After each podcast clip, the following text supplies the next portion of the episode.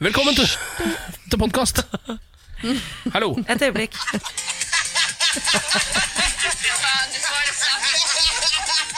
Lydrebus, hvem var det? Ah, Henrik. Henrik fra Ex on the Beach. Blodprinsen fra Ex on the Beach, det. Hvorfor kalles han Blodprinsen?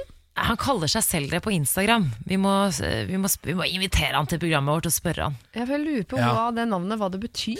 Jeg tror Det er jo det man kaller rød prins. Altså Hvis man sigger ordentlig rød Ja. prins, så er det blodprins. Og så er det jo da rød cola er blodcola. ikke sant? Ja. Så er det mest usunne produktene putter man gjerne blod foran. Ikke sant? Ja. Det er mulig at han rett og slett bare er veldig Blodcola. glad i å sigge blodprins. Eller så kan det hende at Han han sigger sånn jo ganske mye i programmet, faktisk. Gjør han det? Ja, han gjør Ja, han gjør det. Jeg tipper han er glad i å kjøre brannbil, ja. så det er sånn uh, kallenavn som han har fått av gutta. Er det Blodprinsen? Ja. Ja, det på mandagsmorgen Ja, ja. når han har vært på Men utgående. eh, altså, hans to store lidenskaper her i livet er jo da eh, litteratur og analsex.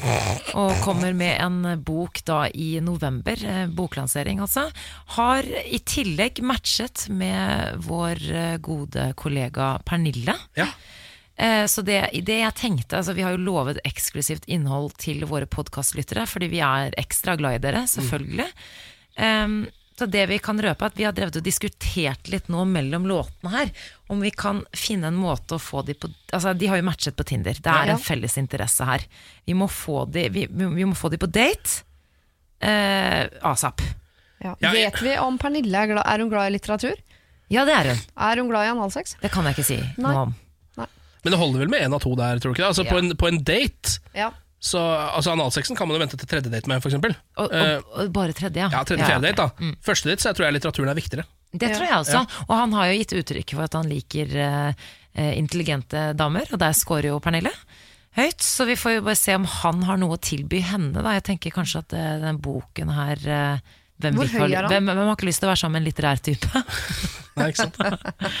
Ja, altså, eh, det eh, renner jo ut bitte lite rann sexappeal eh, av den åpne slusa hans hver gang den latteren kommer på, for å si det sånn. Så Ja. om det er noe igjen til den daten, det vet jeg usikkert. Men tenk at det, nå syns jeg syns det var så sykt ekkelt i starten.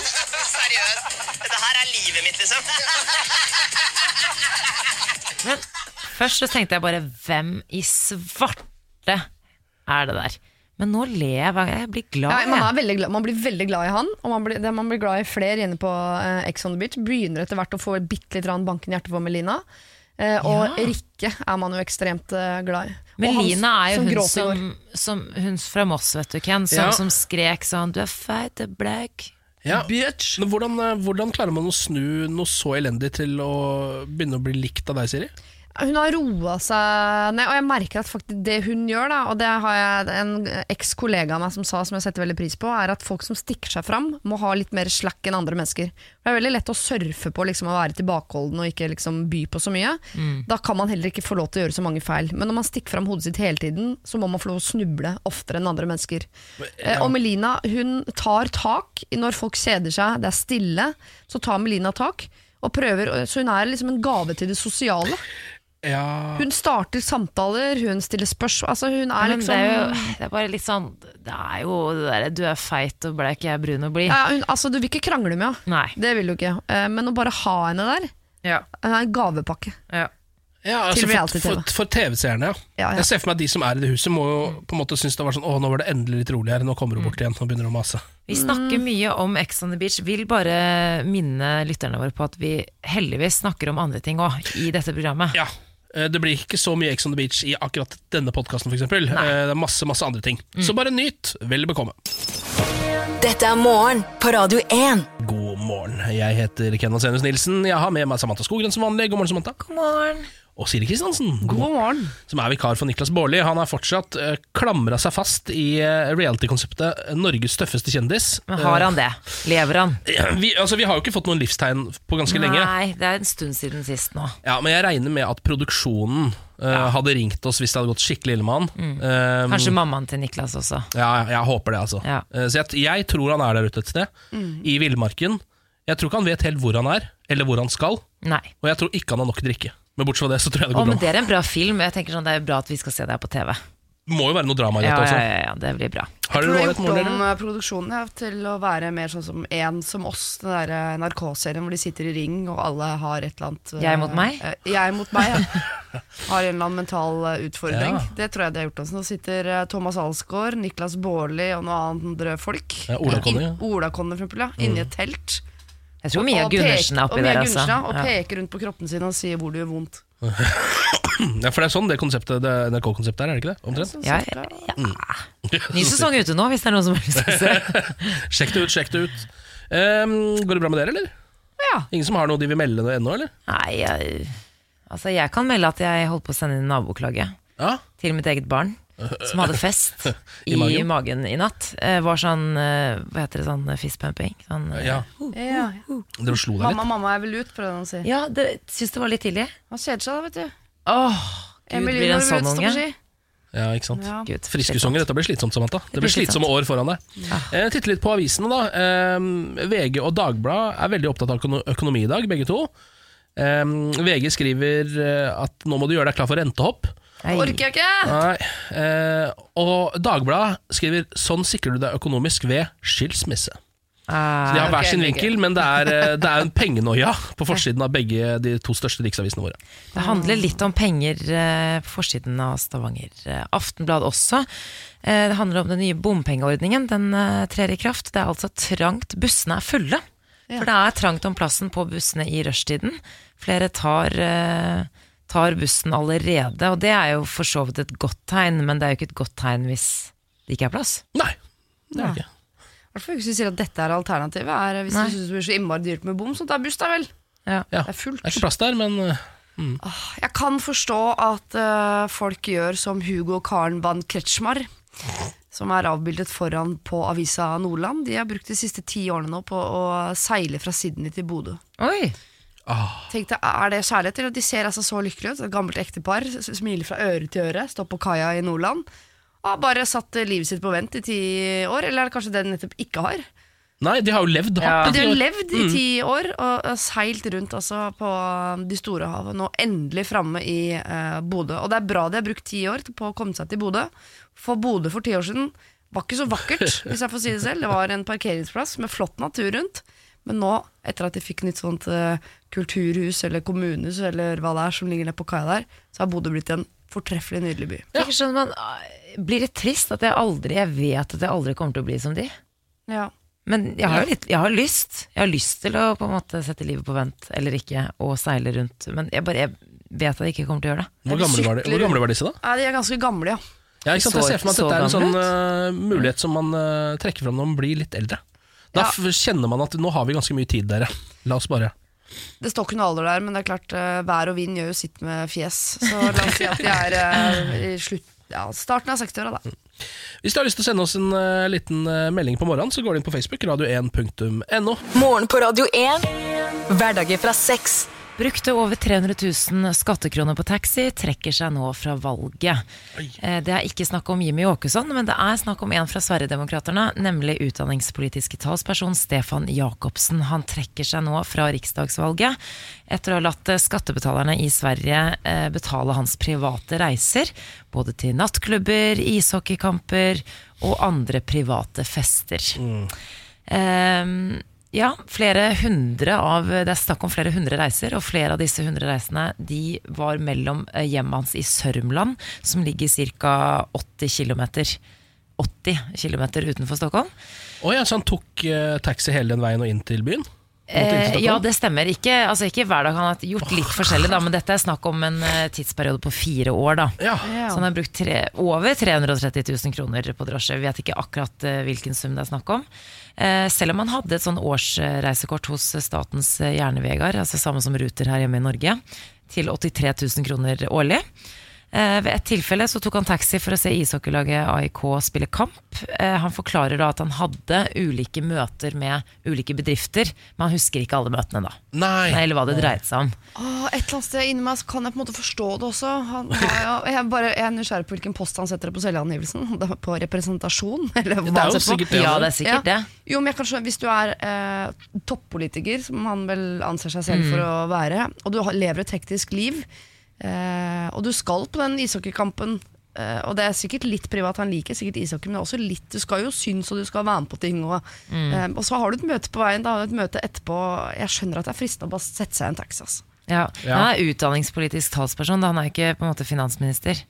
Nei. så det er litt sånn, litt sånn hva, Hvilke bedrifter er det han uh, har hatt møte med? Uansett, han, uh, Aftonbladet er jo den avisen som har kommet med disse avsløringene. De har fått dokumentasjon på en rekke festkvelder, altså på, hvor det har vært snakk om turer til private fester. Blant annet partileder Jimmy Åkessons såkalte glitterfest i februar. For det er, noe, det er et konsept, selvfølgelig. Det er et konsept. Ehm, så, og han har på en måte bestilt private taxireiser gjennom Riksdagens bestillingssystem. Det er jo Ja. det som er problemet. Ja. Og det han sier, at han visste ikke at han eh, Han trodde at med en gang han på en måte ga taxiregningen, så ble det delt opp i privat og offentlig. Så han trodde at på en måte at systemet bare delte opp det, at de skjønte at ok, det her er liksom på en lørdagskveld. Det her er privat. Oh, ja. Så Så Derfor det så her- har han bare sendt alt inn i sin naivitet, og så regner med at noen andre skal fikse opp i det. Men den største unnskyldningen han har, er at han er ukjent i Stockholm. Og at han har vært usikker på hvilke taxiselskap som er trygge å bruke eller ikke. Ehm, Det har selvsagt skremt meg som bor på landet, for jeg kjenner ikke Stockholm. Ja, Han syns det er skummelt å gå gjennom sentralstasjonen i Stockholm pga. det han beskriver som utrygge tilstander i hovedstaden. hovedstaden. ja, ja, så det det er ja. innvandrerne som skyld Ja, at det han har brukt alle pengene. Ja, det er det. Det er jævla synd for han da Nå som liksom eh, Sverigedemokraterne endelig kommer til å gjøre det helt knallbra, Ja. så er han altfor glad i taxi til å få være med på den reisen. Det er synd. Han som bare ville kjøre tog og være vanlig menneske. Så kommer innvandrerne og ødelegger. Ja, Nå. Stakkar. Dere, jeg tok dere på ordet i går. Eh, dere har jo anbefalt meg å se en eh, thriller som heter Get Out! Ja. Som er da det intet annet enn et Oscar-nominert thriller. Det er ikke så vanlig. Nei. Eh, og jeg så jo traileren her på jobb og tenkte den filmen der, den skal jeg se. Men jeg tror ikke jeg skal se den alene, for den ser forferdelig skummel ut. Lurt. handler da om en African American som får seg en white eh, girlfriend og blir med hjem til familien hennes, og der er ikke ting helt som det skal. Jeg kjøpte filmen i går. Kjøpte den ikke i HD. Jeg ser ikke forskjell på HD og det andre greiene. Så jeg sparte 15 gode kroner der på å få den litt dårligere kvalitet. Og la meg da på Jeg bodde på hotell på Gardermoen i natt. Eh, så jeg la meg på hotellet og satt meg og så denne thrilleren og gruet meg litt. Jeg var ikke sikker på om jeg kom til å se hele. Jeg så deler av den uten lyd.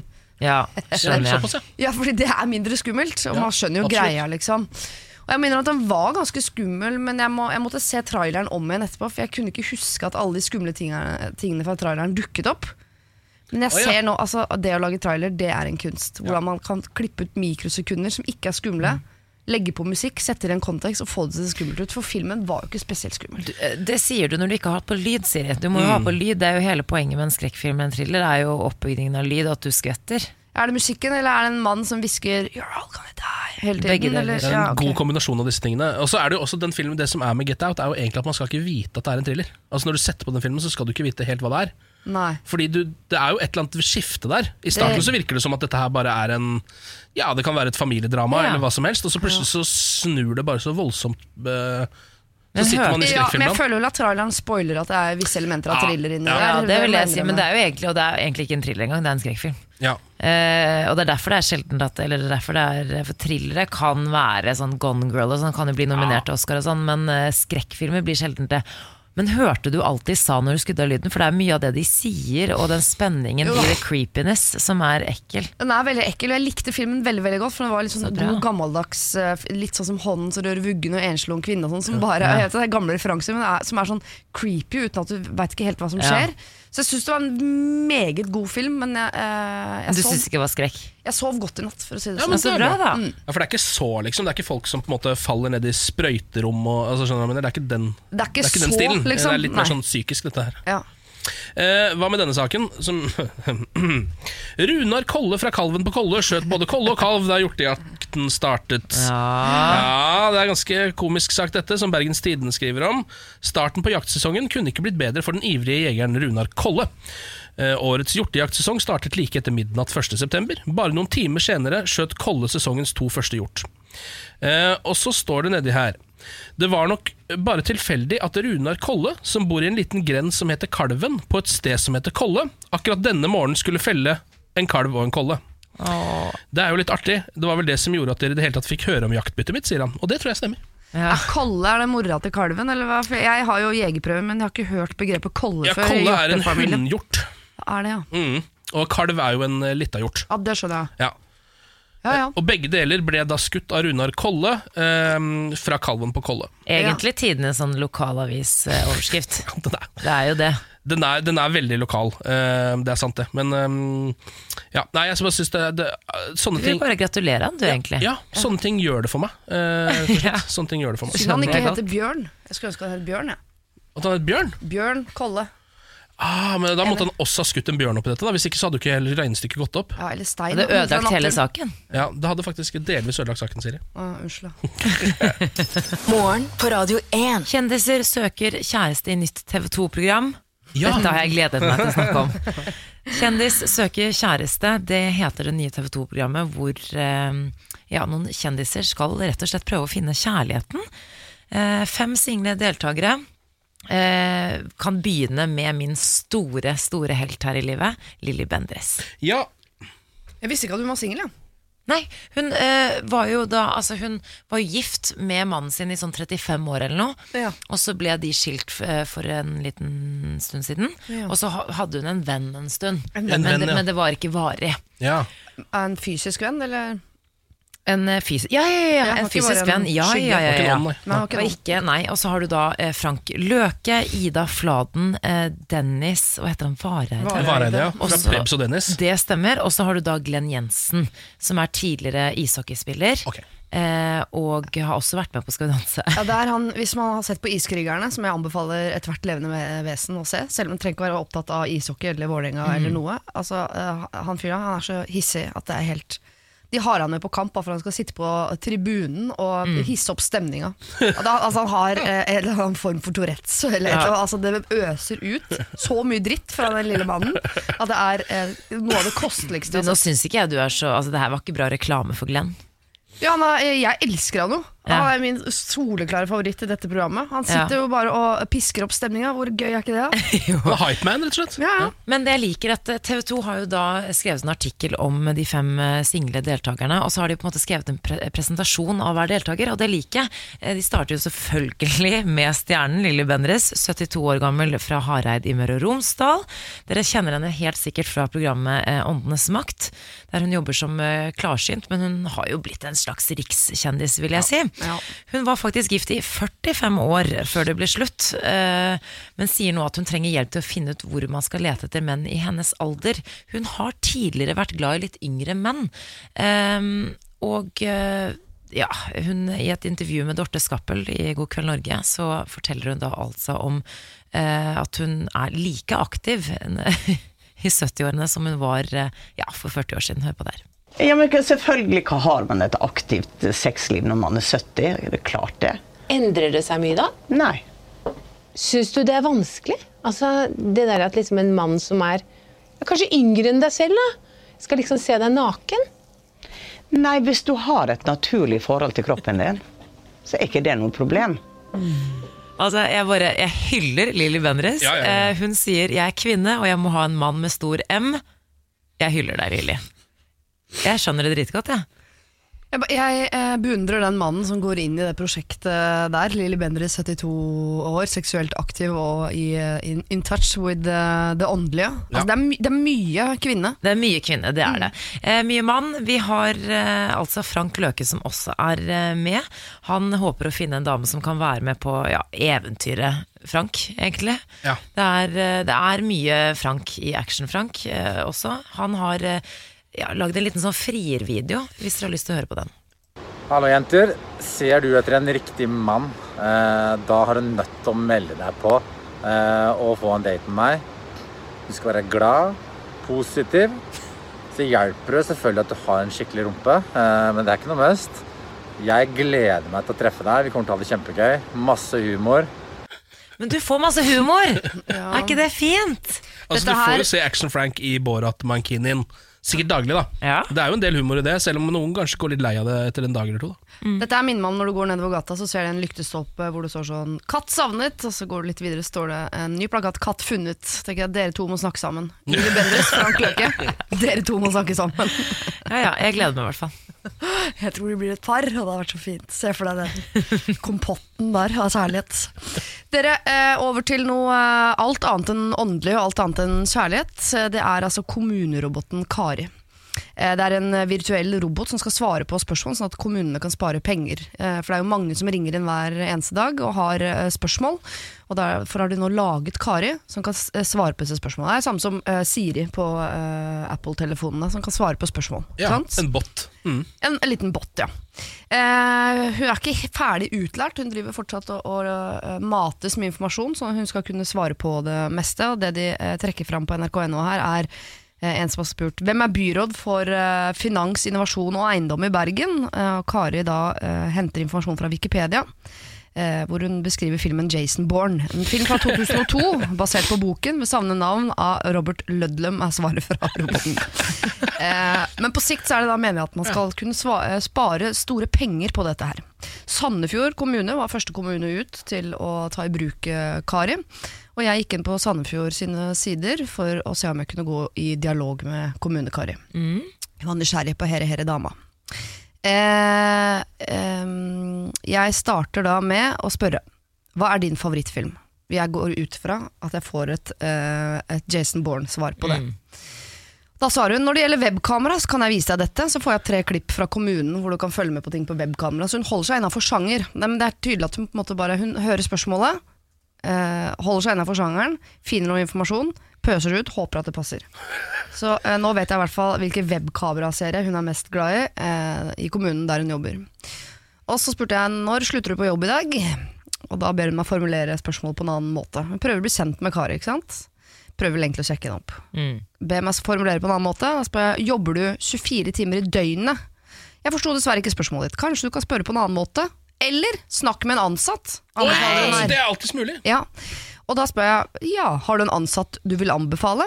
Og da svarer hun jeg jobber i Sandefjord kommune, men også i en rekke andre. Så her anbefaler hun deg også eh, både sånn ikke snakk med meg, jeg kan ingenting. Eh, snakk med en ansatt. Jeg hadde flytta, jeg, sier hun til slutt. Herregud, altså, Ja. Jo. Jeg jobber i andre kommuner òg. Eh, prøver å hinte sånn. Det fins andre kommuner Ja, det var, det, det var litt sånn teaser. Ja. det tror jeg også. Herregud, kommunekar, ja. øh, Foreløpig ikke spesielt imponerende teknologi. Nei, men det er veldig søt, da. Ja, det er veldig søt. Det kommer, kommer sikkert til å komme også. Eh, I går så lå jeg på sofaen og prøvde å eh, sparke en liten forkjølelse som jeg har fått, eh, ved å eh, vekselvis sove og se på poker-NM. Ja vel. For det gikk på TV2 i går, eh, på Sportskanalen tror jeg det var. Med Finn Gnatt, eller? Ja, Finn Ja. Gnatt var der. Han var eh, reporter og programleder for det hele. Ja. Eh, og så var det sånne pokereksperter som sitter og kommenterer det. Mm. Som bruker sånne pokeruttrykk som man egentlig ikke helt skjønner, men det har liksom ikke noe å si, for jeg kan reglene som delvis, da. Ja.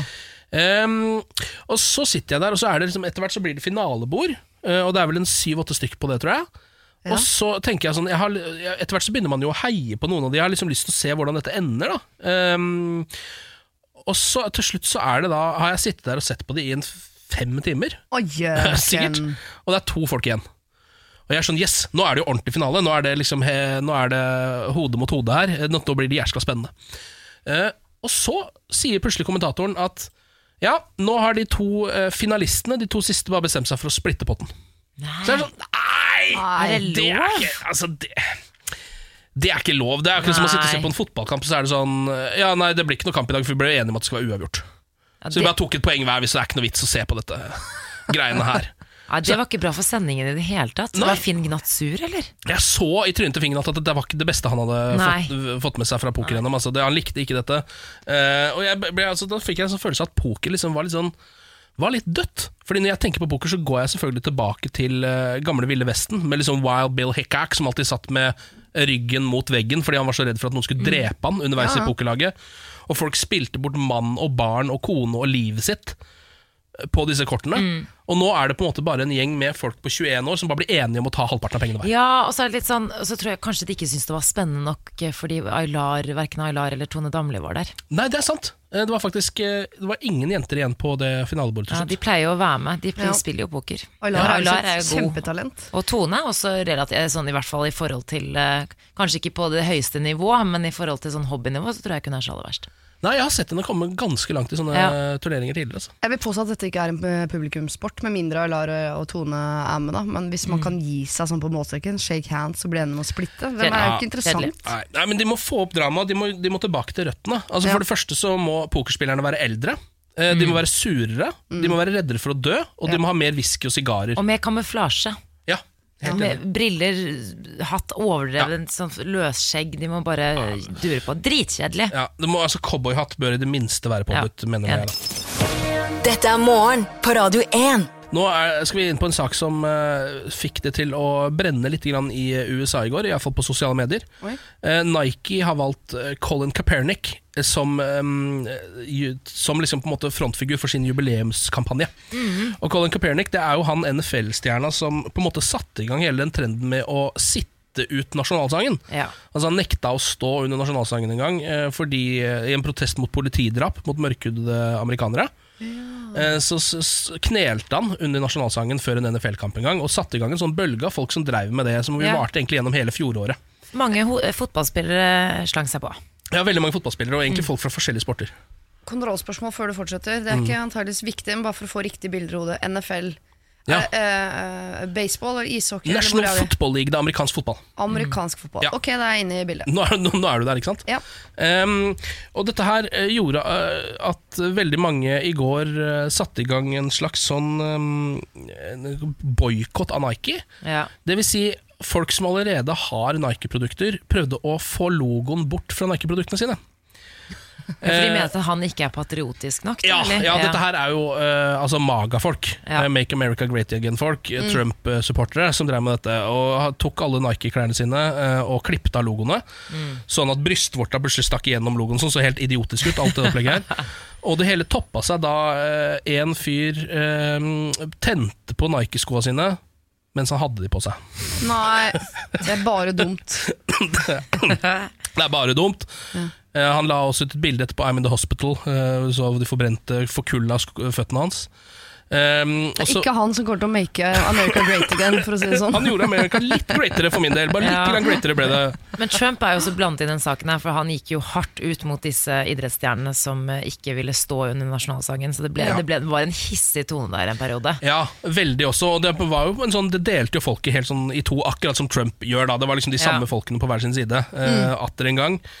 Eh, og så så jeg også Fordi etter hvert så begynte det da å bli en slags sånn derre det begynte å komme flere og flere liksom ironiske sånne poster fra folk som jeg tror egentlig er liberale folk på venstresiden. eh, Ja. Som begynte å legge ut, var en for eksempel, som la ut sånn eh, Her er et bilde av meg som dronebomber alle Nike-produktene mine. Som har satt sammen en liksom Photoshop. Photoshop. Av en drone som kom inn og bare sprengte alt han hadde av Ja. Nike-produkter rundt omkring. Så det blir spennende å se hvordan dette her går nå utover. Nå har i hvert fall Nike på en måte tatt side. da Altså nå, Det er jo flere og flere, og det virker som det er det er ikke så veldig mye magafolka kan gå med lenger. Fordi nesten alle de der eh, klesmerkene har jo tatt side. Adidas, kanskje. Kanskje de bytter Kanskje sånn. Adidas, ja. Jeg tenker sånn Jeg håper at de står i det, eh, Nike. Ja. Fordi de er jo giganter, og de har jo sikkert masse penger osv. Men, men de taper jo nok en del penger på, på det. Hvis ikke folk Ja. For jeg tror ikke de som støtter den kampanjen, det er ikke nødvendigvis at de løper og kjøper masse mer Nike-klær bare for å støtte the cause. Nei, det tror ikke jeg heller. Og så har de jo på en måte fremmedgjort 40-50 av kundegruppa si. Så den, Eh, er, den er faktisk litt eh, farlig, men kult Ja. at de gjør det. Ja, jeg er helt enig. Men kan jo hende når det roer seg også at Nike, de som har brent alle Nike-produktene sine, trenger mye mer Nike-produkter enn de Ja. trengte før. Da, Fordi da hadde du en basisgarderobe, men nå har Ja. de ingenting og må starte fra scratch. Så Ja. kan det jo bli en kjempeboom da av Nike. Ja, om det noen tror måneder. jeg, for jeg tror ikke de er smarte nok til å skjønne at de da må egentlig bytte merke for Nei, at nei. det ikke skal funke sånn. De bare Å, de mine små Nike. Once a Nike, always a Nike. ja. Ap-politiker misbrukt i kjærlighetssvindel. En kvinne fra Vietnam som bor i Norge har i lengre tid trodd at hun var kjæreste og i ferd med å inngå et ekteskap med en svensk enkemann som bor i Canada. Ja. Erland, Erland Holmgren er mannens navn på sosiale medier. På profilen hans er det lagt ut bilder av en smilende mann i 50-årene som angivelig er på jakt etter et seriøst forhold. Nå har eh, Rana Blad funnet ut at den smilende mannen på bildet er tidligere Ap-ordfører i Hemnes, Kjell Idar Juvik fra Nordland. Juvik er også tidligere stortingsrepresentant og fikk sjokk da han så eh, bildene av seg selv på, på en nettside, en sånn datingnettside. Og Juvik måtte da forklare den, eh, denne kvinnen fra Vietnam eh, at han verken bodde i Canada eller var svenske Erland Holmgren. Han er heller ikke enkemann, han har samboer eh, og tre barn, og lever i beste velgående i Nordland. Ja, Så de har misbrukt bildene av han. De har rett og slett det, og hun har jo sendt klær og gaver til mannen i Canada. Eh, om det er penger Om det også jeg håper å si, er penger involvert, det vet vi ikke, men det, det er det jo helt sikkert. Men det er faktisk snakk om eh, Det er faktisk snakk om en falsk profil på Facebook. Ja. Såpass ille er det. Så han eh, Han har jeg håper å si, gått på en liten smell, og jeg har jo faktisk opplevd det her selv. Har du det? Nei, ikke sånn til den grad, da. Jeg hadde ikke gått så langt, men jeg, jeg får faktisk stadig vekk sånn bilder av meg sjæl på Tinder. Å ja. Ja, Så er det sånn eh, Melissa. Ah, så de bare bruker ditt fjes, og så kaller de det for et eller annet? Ja. Melissa. Eller eh, Jelina var har, jeg også en gang. har du sett hva, hva slags alder de gir deg? For det kan jo være litt Og spennende. jeg var så fornøyd sist gang. Hun eh, Melissa var 24. Ah, der ser du, der ser du! Du vinner, liksom. Samantha. Det er litt sånn ubehagelig, og så syns jeg så synd på en kvinne som liksom tror at hun skal gifte seg med Erland. Altså, de, hadde, de var jo forlovet. Jeg skjønner jo, De hadde jo selvfølgelig da ikke møtt hverandre, men det er litt sånn, det er litt kjipt.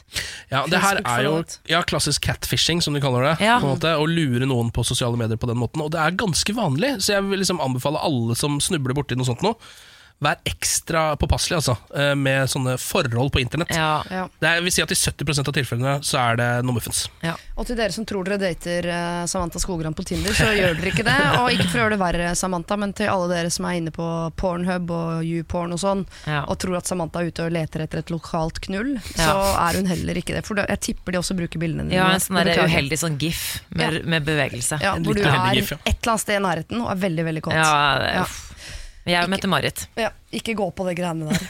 Dere, Det er en lege som har sendt uh, vrøvl til Statens legemiddelverk uten at noen reagerer.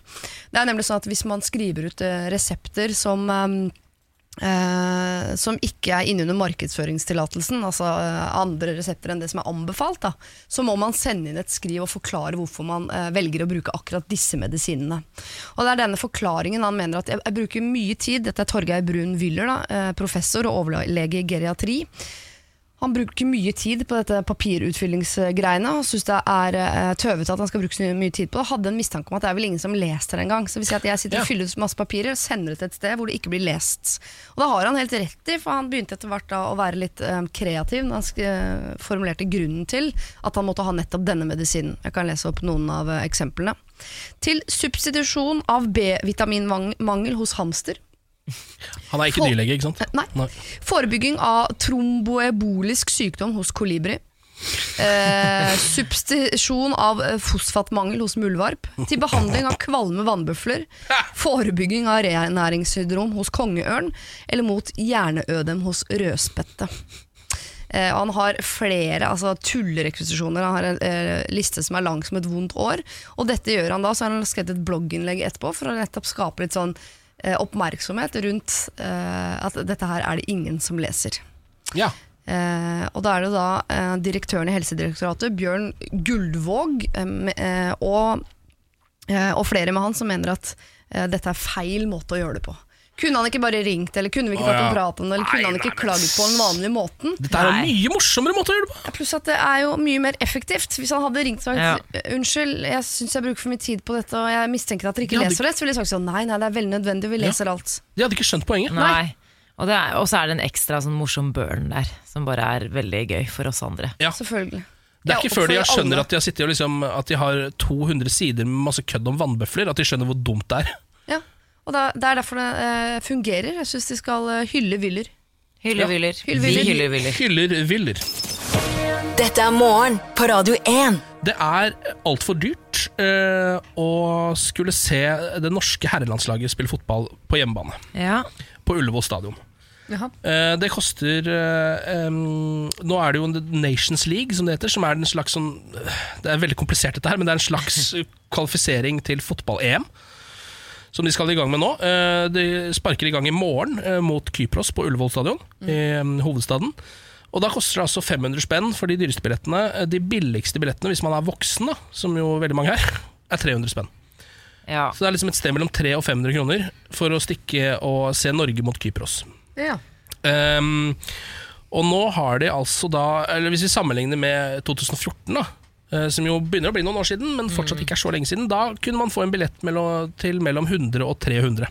Ja. Altså 100 var den billigste, 300 var den dyreste. Så de har på en måte eh, tredobla den billigste billetten på fire år. da Oi. Jeg synes Det er ganske drøyt. egentlig Det er ikke sånn at fotballaget heller har levert ekstremt bra. Altså Nå har de vunnet tre-fire kamper på rad. da Nei, altså, sies, så matcher det jo på en måte ikke interessen heller. De må jo Nei. starte et eller annet sted. Altså, det, er jo, det har vært ganske glisne tribuner de siste årene. Og det er jo det viktigste, syns jeg. Fordi Mm. altså, nå har de da solgt uh, 5500 billetter Har de solgt til morgendagens kamp. ja. Hvor mange er det plass til? Det er plass til 15 000, sikkert. Ja. Altså 13 000 i hvert fall er det plass til Mm. på Ullevål, tror jeg. Ja. Så det er under halvfullt. Det er det de har klart å få til på en måte med de der svindyre billettene sine. Um, og Nå er de ute og tar litt selvkritikk, riktignok. Fotballpresident Terje Svendsen er ute og sier at de kanskje har, uh, har overvurdert interessen litt, fordi de syns de har gjort det så forbaska bra i treningskampene nå. Og det har vært greit, det. altså Det er ikke det. Uh, det har vært helt ålreit i de treningskampene. De har vunnet noen og sånn. Det er bra, det. Um, men jeg bare kan virkelig ikke forstå Jeg skjønner at folk er pengegriske. Jeg skjønner at uh, Fotballforbundet har lyst til å tjene penger på dette. Men er det ikke For meg så er det såpass enkelt som at hvis man halverer prisen, så fyller man det opp.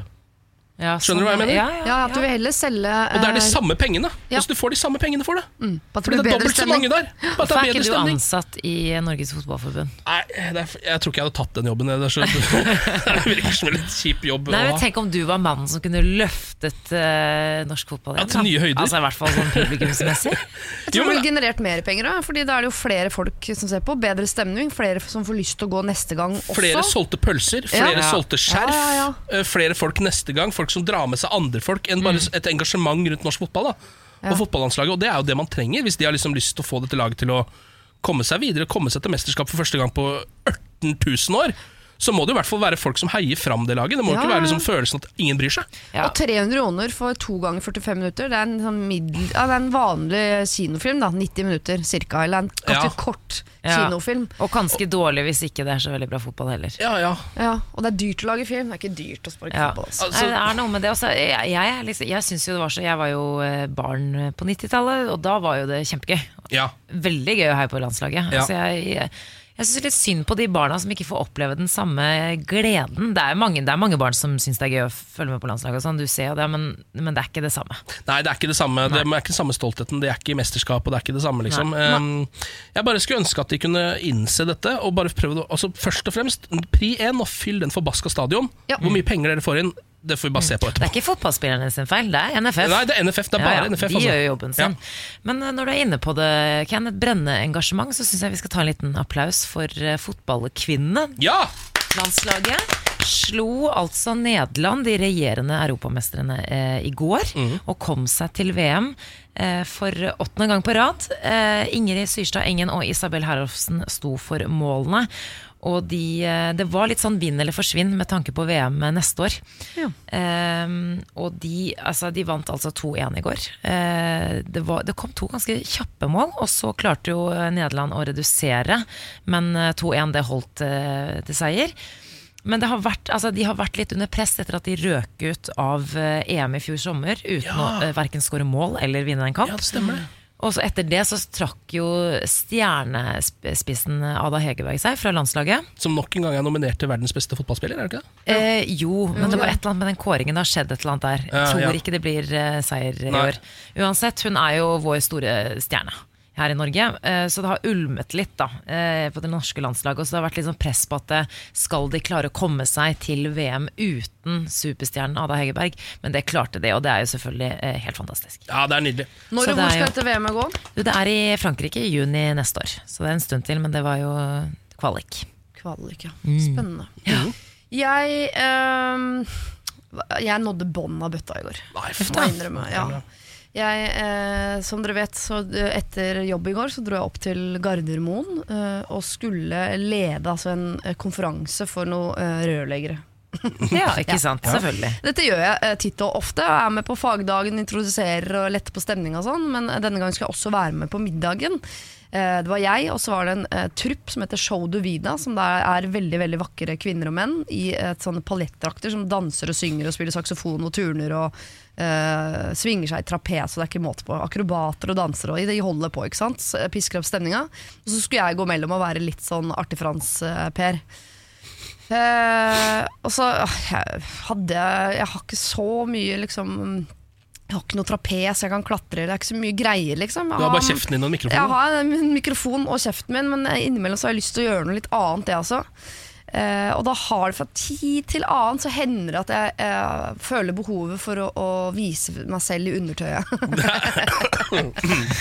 Ja. Skjønner jeg. ja, ja, ja, Ja, og dette, dette har skjedd flere ganger. Stort sett da i lukkede rom eh, med utelukkende kvinner til stede. Er dette for å oppnå en humoristisk eller erotisk effekt? Ja, det er det som er så magisk, da, for det er liksom i krysninga der. Ja, for jeg er ikke eh, tynn nok til at det blir skrytete, og jeg er ikke tjukk nok til at det blir eh, bare humoristisk. Sant? Så det er, det, er- er fint. Eh, og det vurderte jeg, da tenkte jeg sånn, jeg gjør det. Eh, jeg gjør det hvis jeg får lyst, liksom, i går. Og da var det en sal full av menn i 60-åra. Eh, Som sitter og spiser crème brulé. og jeg tenkte sånn, jeg bare tar badekoppet og så eh, skal jeg vise meg undertøy. Jeg har et poeng med å vise meg undertøy også, for jeg har lyst til å vise liksom, eh, hvordan eh, eh, hvordan vi lurer, kan lure folk til at vi liksom ser bedre ut enn de gjør. Ja, altså, det er liksom ja. kvinneperspektiv. Og, ja. Eh, og så eh, hadde jeg ikke noen morgenkåpe, så jeg måtte låne en sånn eh, vindfrakk av en eller annen som jobba der. Så plutselig så finner jeg meg selv, da står jeg på scenen barbeint i en vindfrakk og bare undertøyet foran en sal full av menn i 60-åra. som Er det ikke har- helt sant? Ja, de har ikke bedt om å se meg i undertøyet. Og jeg oppnår jo den effekten jeg vil. Folk setter jo crème bruléen i halsen, liksom. For jeg forventer jo ikke at jeg skal komme der inn barfot med eh, alt på gløtt. Eh, og eh, holder liksom showet mitt. Og eh, må jo, jeg må jo gønne på, for du kan ikke trekke deg heller halvveis i Nei. greiene der. Så jeg åpner jo frakken og kjører full blotteshow, liksom. I sånn rimelig eh, Og så ser jeg at folk begynner å ta på mobilene sine og filme dette her. Ja. Fordi det jeg gjør på slutten, altså, at jeg tar på meg en Spanx, altså en sånn eh, hudfarget trang drakt som skal gjøre at du ser bedre ut enn du egentlig gjør i kjole. Det er ikke en vakker prosess. Altså, det er en Nei, det er, prosess og det er en vanskelig prosess. det er veldig vanskelig, for du skal dytte mye kjøtt inn i en bitte liten beholder. eh, og da, etterpå da så lå jeg på hotellrommet og tenkte sånn Nå er jeg på Gardermoen alene, 40 år. Jeg har pressa kroppen min inn i en Spanx foran eh, hundrevis av fremmede menn i 60-åra fra rørleggerbransjen. Du kom ikke ut av den, eller trengte må, du hjelp? nå må jeg få meg en 9-4-jobb. Altså, jeg trenger hjelp. Vi hyller deg. Jeg vil gjerne se disse videoene. Eh, jeg vil helst ikke se det. Det er greit. Morgen på Radio 1. Hverdager fra sex. Morgen på Radio 1 med Ken, Samantha og Siri, som er vikar for Niklas Baarli. eh, Men som jo vanligvis pleier å være innom her eh, på denne tiden av uka, sånn uansett, egentlig. Jeg er det, eh, fordi eh, jeg eh, prøver å eh, på en måte utfordre det moralske kompasset deres, eller sjekke litt hvordan dere ligger an som gode hjelpere. Jeg har med meg to gode hjelpere hver søndag her på Radio 1 eh, fra klokka to, som prøver å, hjelpe de som har sendt inn problemene sine til meg. Eh, Så tar jeg med meg et og annet hit da, til deg, Ken, og deg, Samantha, for å høre hva dere tenker. Eh, Nå skal vi til en eh, jente som har begynt på et nytt studie. Hun sier ikke hvor hun har flyttet, men det er helt tydelig at hun har flyttet fra et lite sted til et litt større sted. Kjære dere, jeg har begynt på nytt studie. Det er nytt sted, nye folk, nye muligheter. En av grunnene til at jeg dro nettopp hit, var for å få en ny start. Jeg kommer fra et lite sted der det var vanskelig å bryte ut av båsen sin. Nå som jeg er her, er det eneste jeg har beholdt, eh, er etternavnet mitt. Jeg har begynt å bruke mitt mellomnavn, jeg har skiftet garderobe, og jeg har begynt med klatring og fått meg jobb i bar. Altså, jeg elsker dette livet, og jeg elsker det så mye at jeg har glemt alt der hjemme. I går fikk jeg en SMS fra en bekjent fra bygda som visstnok kommer hit og vil møtes.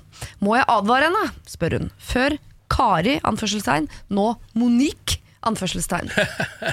Såpass, Ah, ja. Monique. Ja. ja. Det er en av de som på en måte har flytta til eh, storbyen og, og prøv, nå lever ut det livet hun egentlig ville levet hele tiden. Ja. Virker det som, da. Hun kom til kontakt med sin indre Monique. Ja, sin indre Monique. Ja. Ja. Herregud, så spennende. Ja, det Det er nesten nesten sånn hva har hun, eh, hva har hun gjort? Er det noe hun ikke nevner her? Har hun en fortid vi ikke vet om? Ja, ja. Det er veldig spennende. eh, det forteller hun ikke om. Så nei, det, det er jo Jeg tror jeg hadde fått, hvis jeg var hun venninna som skulle komme på besøk, da, så hadde jeg fått ganske sjokk. Hvis eh, jeg bare så at venninnen min hadde byttet navn og bare blitt helt annerledes. Ja. Men det er vel først likt- og fremst det med navnebytte, er det ikke det? Jo, Fordi alt annet er, tenker man tror jeg bare på som en sånn konsekvens at nå bor du et større sted, kanskje. ja. Man, man har så mange spørsmål. Uh, jeg hadde likt det. Altså, det, er er det. Jeg tror det er bra og lurt å gi en lite varsel. Hvis ikke så risikerer hun at en venninnen stikker hjem igjen og forteller hele bygda om Monique. Ja, om det, På et eller annet tidspunkt så må jo Monique besøke hjembygda si. Jeg ser ikke for meg at hun har en sånn koffert stående på Oslo S eh, hvor den gamle bunaden og fotformskoa ligger klart, liksom. Så hun må jo, Monique vil komme på et eller annet tidspunkt til å, å vise seg i bygda. Hun Jeg har ikke jeg, lyst til å kvitte seg med alle de gamle vennene sine heller, da. Det er jo interessant. Ja, mm, det er sant. Det er liksom på en måte Ja. Um, men hun vil jo Det virker som hun vil liksom leve et litt annet liv da enn det det var lov til på bygda, eller hva man skal Ja. si. På bygda er det ikke sikkert det er lov å hete Monique. Eh, kan godt hende det går på en smell da hvis du heter, heter Monique på bygda. Um, men jeg tenker jo kanskje at uh, Altså, hvis hun sier fra til venninna, da, ehm, så f slipper jo venninna å bli helt totalt sjokkert. ja. Og så vil jo sikkert denne venninna sette i gang et slags uh, sladreapparat som gjør at neste gang uh, Monique kommer hjem, så vet alle at hun har forandra seg. Men er ikke det bare deilig? da? Slipper Jo, det er Monique å si fra til resten av Jo, bygda. det er jeg tenker at kanskje det er litt deilig. Ja. For da går det bare sin gang. Men jeg tror Monique her også er nervøs for det møtet i storbyen, hvor da venninnen kommer hvor Man tenker at man har et forklaringsproblem. eller at hun skal avsløre overfor de nye vennene, de nye andre. eh, Beatrice og uh, Zapatou og i det hele gjengen, franske liksom. navn her, ja. Mm. Selvfølgelig. Eh, at, eh, dere vet at man gikk før het Kari og gikk i, i fotformsko og jobbet på bakeri. Sånn, ja. Ja. ja. Vet du avslørt. Det er så slitsomt å gå rundt og ha hemmeligheter. Det er sånn, du vet Når du har fortalt en hvit løgn til noen, og så har du da glemt det to uker senere, og så bare 'å, fuck, det der løy jeg om', og, Ja. så, og så glemmer du det, og så blir du outa, og så ser du bare enda dustere ut. Ja. Hvis du blir tatt for løgn. Så jeg ville, sagt, uh, ville også sagt til de nye, kule vennene mine uh, hvem jeg er, og hvorfor jeg har gjort det. Så bare vært dønn ærlig. Jeg bare syns at Monique er et dritkult navn, og bare eie det helt. At hun bare, jeg syns det, er- jeg syns det var litt kjedelig der hvor jeg kom fra. Og så bare fordi det der å bli tatt i løgn, da ser du Da er det ingen som kommer til å like Monique. Nei. Nei, det er sant. Vær er ærlig. Og så er det, samtidig så er det jo også dette, Jeg tror det her er jo ikke så uvanlig. Det er litt kanskje uvanlig å bytte navn til Monique, eh, men bortsett fra det så er det jo ikke så uvanlig å forandre seg litt når man flytter. Nei. Tror jeg, da. Fordi man har jo kanskje blitt liksom fanga i et eller annet nett av ting som man kanskje ikke liker helt. Man liker ikke den personen man er på det andre stedet. på en måte Nå har man liksom muligheten til å virkelig være den man vil være. Um, og jeg tror det er veldig mange andre også som er det sånn der. Nemlig At Jeg tror ikke det gjør så mye om venninna begynner å si som du vet at hun var helt annerledes og jobba egentlig på, hun var ikke så kul og jobba ikke i Ja. bare Sånn, så er det sånn, ja, det, sånn var det med meg òg, egentlig. Jeg skjønner det. Det er ikke så farlig, det. Mitt råd er å si til, eh, til den gamle vennen sin hvem Monique er, og til de nye vennene hvem Kari er. Ja, Vær ærlig på begge sider. Eie Monique, Ja. men også på en måte eie fortida si som uh, Kari. Gi en liten heads up til venninnen din på at ting har blitt uh, annerledes. Uh, og så, ikke med en gang alle, men på sikt liksom også med stolthet kunne fortelle litt om gamle Kari til de nye vennene dine i storbyen. Ja. Ja, det tror jeg er For det er spennende, det. det Du blir litt mer spennende person. Du blir mer spennende person av dette Ja. faktisk. Er du en Kari eller en Monique, så fortsett å sende inn problemer til meg. Altså, eh, jeg heter Siri, uh, uansett hvor jeg er hen. Uh, Siri alfakrøll radio1.no. Morgen på Radio 1. Eh, nå skal vi jo eh, lære hvordan man holder seg fri og frank eh, og singel resten av livet. Dette er jo noe jeg har blitt ekspert på. Ja. Jeg begynte å oppdage eh, tidligere på 2000-tallet at folk ga ut bøker, Pornopung, The Game. Folk begynte å tjene penger på å lære menn å sjekke opp kvinner. Jeg tenkte eh, det er jo ingen kunst. Eh, kunsten er jo det motsatte. Dette vil jeg tjene penger på. Er dere klare for dagens kurs? Yes. Hele veien fra Moss i Østfold. Ta han vel imot. Frastøtningsartist Ken Vasenius Nilsen! Ah, tusen takk for det. Nok en gang fullt hus på mine frastøtningskurs. Det er godt å se. I dag skal det handle om kalibrering, som da er kunsten å se an situasjonen og det objektet man skal frastøte, og agere deretter. Eh, Det aller første man må gjøre, er jo å evaluere sin egen tiltrekningskraft. Eh, Og så må man da anslå objektets sexiness, ikke sant? Og så kalibrerer man det hele ut ifra det. da Eh, Sjekkeartistene sier jo at hvis objektet er mer attraktiv enn deg, så må du slå til med det som de kaller for høyoktansmetoder. Altså De begynner med hard negging, som det heter. Altså si noe som, et, noe som kan høres ut som en kompliment, men som egentlig ikke er det. Um, ikke si noe som er hyggelig i det hele tatt. Vær ganske dusj, og få henne til å søke anerkjennelse hos deg. Det er det man gjør da. Ja. Men hvis uh, hun er mindre attraktiv enn deg, så bør du snu helt fullstendig på det. Da må du framstå mer usikker, gi mer ektefølte komplimenter. Ikke sant? Det er ulike veier til målet her. Skjønner. Eh, men altså, akkurat denne informasjonen er jo like essensiell som et kart over ditt eget svampelegeme. Altså, du trenger det, du trenger det ikke. Naturen fikser det greiene der. Det er overflødig. Mann og kvinne kommer til å ligge med hverandre uansett. Kunsten er jo å motsette seg det hele. Det er jo der jeg er veldig god. Eh, jeg på en måte tar jo hele Darwins livsverk og bare tørker meg i rumpa med det. Og skyller ned, egentlig. Um, så innen frastøtning snakker vi også om kalibrering, men det brukes på en helt annen måte. Jeg for eksempel, har et utseende som står til en femmer. Men pga. ganske spennende jobb og lønn over landsgjennomsnittet, så er jeg en sekser totalt. Og Det er noe jeg vet, som jeg må ta med meg inn i alle situasjoner når jeg skal inn der. ikke sant? Egentlig er det litt for høyt, jeg prøver å jobbe det ned, men det er ikke Jeg så skulle lett. til å spørre. Ja. Jeg rakk opp hånden, men jeg, ja. Ja, jeg så ikke at du rakk opp hånden, dessverre. Du må, kan rekke den litt mer eh, Takk. intenst opp neste gang. um, jeg prøver å øh, dra ned snittet ved å legge på meg, for eksempel. Fordi da, jo tjukkere man er, jo lavere ned går man på den greia. Ja, ja. Hvor vil du ligge? Er tre Tre hadde vært glimrende, da er det lettere å frastøte. da um, Uansett, så Hver gang jeg da går inn i et lokale, så begynner jeg automatisk å evaluere hvor attraktive objektene som er der inne er, og så kalibrerer jeg ut ifra det for å finne ut hvordan jeg skal frastøtte dem. Er objektet mer tiltrekkende enn meg? Enkel sak, bare vær hyggelig. Så vil du frastøte den kvinnen ganske fort. Ja.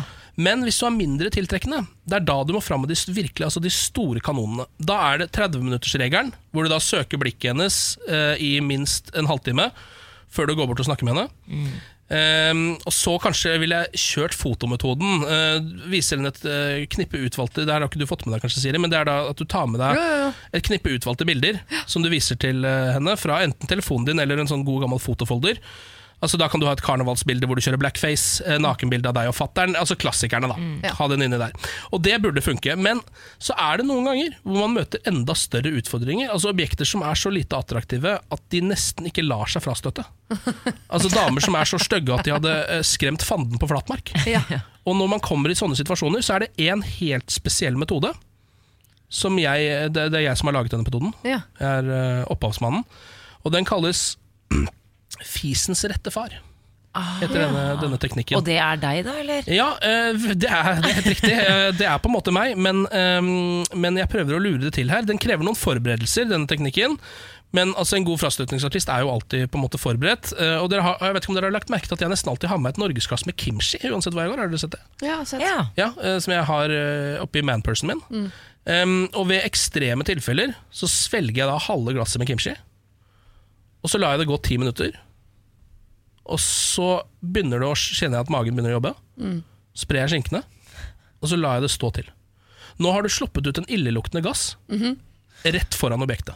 Ja. Men i seg selv så er ikke det, det er ikke effektivt, i- effektivt i seg selv. Fordi, Å, det er ikke det, nei. Det fordi- vil man tro. Ja, man skulle tro det, men Ja. veldig mange kvinner vil bare la det forbigå i stillhet. Eller prøve å lede bort og late som det er noen andre som gjorde det. At det er litt sånn «Å, Herregud, nå er det noen, det er noen som har fisset her. Herregud. Nei, jeg tror også vi tenker sånn Å herregud, har du allerede åpnet deg så mye for meg? Det er fordi vi er sjelevenner. Vi kan jo flytte sammen med en gang. For eksempel, ikke sant? Så, det, så det er ikke eh, foolproof å bare legge ut lukta.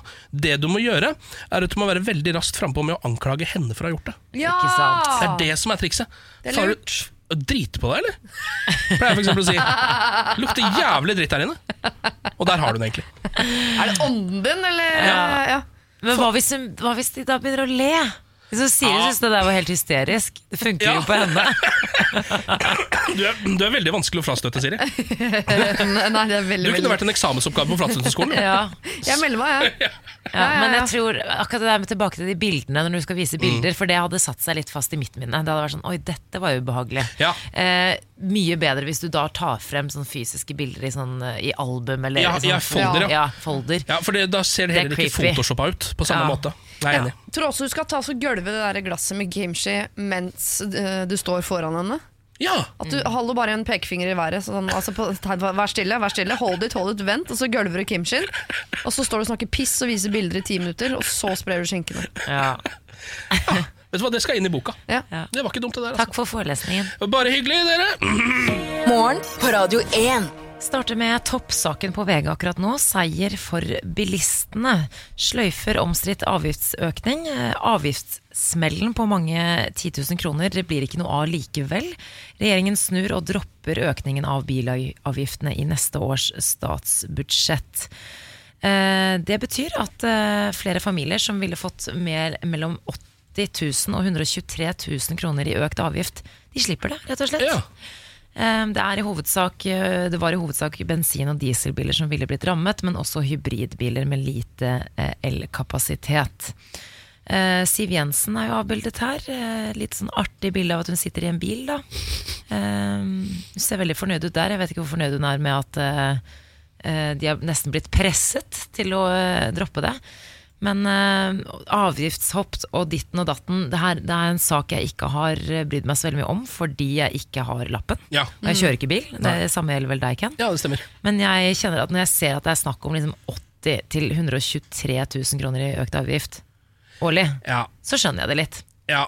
Det er litt mye å bare pålegge noen um, litt sånn ut av det blå, føler jeg. Hvis du skjønner. Altså Hvis man er avhengig av den jævla bilen. da Ja, ja. Så, Og bil er jo ganske dyrt i Norge i utgangspunktet. Ja, selv om uh, altså, de som har ordentlig peiling på det, vil jo si at i forhold til uh, hvor godt vi har det og hvor mye vi tjener, Så er det ikke så gærent. eh, bil så dyrt Ja, allikevel. men de må finne ut av noe annet, eventuelt, altså for å få inn penger på en annen måte. Uh, Men det det også står i denne artikkelen, her er at meningsmåling til, meningsmålingene til Frp har vært fallende den siste tiden. Eh, og at eh, det kan ha hatt noe med det trussel om avgiftsøkninger på bil å gjøre. ja. Så det, det er en liten De spekulerer litt her, da, om det har noe med det å gjøre. At de skal få opp eh, populariteten litt. ja. Ja, i hvert fall fordi mange av velgerne til Frp er vel nettopp folk som vil at det skal være eh, billig å bo her, billig å kjøre bil, billig, altså alt skal være billig. Billig, billig, billig. Ja. Mm. Eh, jeg vil bare sende en gratulasjon til Iram Haq, eh, som eh, med sin film 'Hva vil folk si?' nå er Oscar-kandidat. Det vil jo si at hun på et eller annet tidspunkt skal ned til Uniten og sitte der sammen med de flinkeste, beste folka i hele verden, og potensielt få en Oscar-statuett for sin film. ja, Men hun er på en måte den norske kandidaten, er det sånn? Ja, Ja, Så det er jo ikke sikkert at hun kommer inn i nominasjonsløpet engang. Det er på en måte bare den vi har bestemt oss å sende herfra. Ja, den Ja. og Utøya 22. juli og eh, Blindsone, den eh, Tuva Novotny-filmen. Ja. Det er de tre de sender inn, og så kanskje en av de går videre, eller kanskje ingen. Og det hadde vært så gøy. Har vi hatt en eh, Altså Jeg vet vi har hatt eh, nordmenn som har fått eh, Oscar-nominasjoner. Altså Det vet jeg. Eh, også han der eh, for Imitation Game og litt sånn forskjellig. Ja. Men, men Elling er vel den siste som var sånn norsk film som var Ja, det lurer jeg kanskje på om det. Var det den siste filmen som liksom var ordentlig kandidat? Sånn Ja, opp i smoking-kandidat? Uh, jeg vil sikkert hatt noe på dokumentarsida eller animasjonssida, eller noe sånt, men ikke det har sånne vi, men- blockbusta movies tror jeg ikke vi har hatt ja. uh, ned der. Nei. Ja, og så vet jeg ikke om vi har vunnet noen gang heller, dette burde jeg selvfølgelig sjekket. Men Jeg bare lurer på om det er en eller annen sånn eh, Hamsun eh, Altså noe greier way back in time som har Ja. vunnet en Oscar. Ja, Men Er jeg det bare- ikke Kon-Tiki, da? Den har Kon-Tiki, vunnet ja. Oscar. Jo, men altså ikke den som var nå. Nei, ikke Odd Magnus Williamson Kon-Tiki, men Thor Heyerdahl-Kon-Tiken, på en måte Det var det sikkert, ja. Men jeg gleder meg til å se Iram Haq hvis, hun, øh, hvis det går hele veien. da Sitte i salen der mellom øh, øh, Mel Gibson og Tom Cruise i uh, en norsk design, ser jeg for meg hun skal ha på Så seg. forferdelig å sitte mellom de to. Ja, jeg vet. jeg vet. Men det er såpass Mellom Mel Gibson og Tom Cruise. Men Iram han... Men det er så ute, liksom. Å sitte Ja. mellom de i en sånn uh, Se for meg en uh, Pia Tjelta-kjole, kanskje. Sitte Ja. der, flotter seg, drikke vin. Et eller annet by Timo, et eller annet norsk design. Ja. Men hun er liksom en, en flottere versjon av Angelina Jolie. Og mange andre, egentlig. Hun er bare sånn hun, hun, jeg blir stolt av å sende, ikke bare fordi hun er veldig pen, men fordi hun er flink òg, da. Jeg håper virkelig at hun får liksom sitte i salen. Skal vi høre litt lyd fra hva vi folk sier, eller? Ja. Gratulerer med dagen, pappa! Hey! Min datter.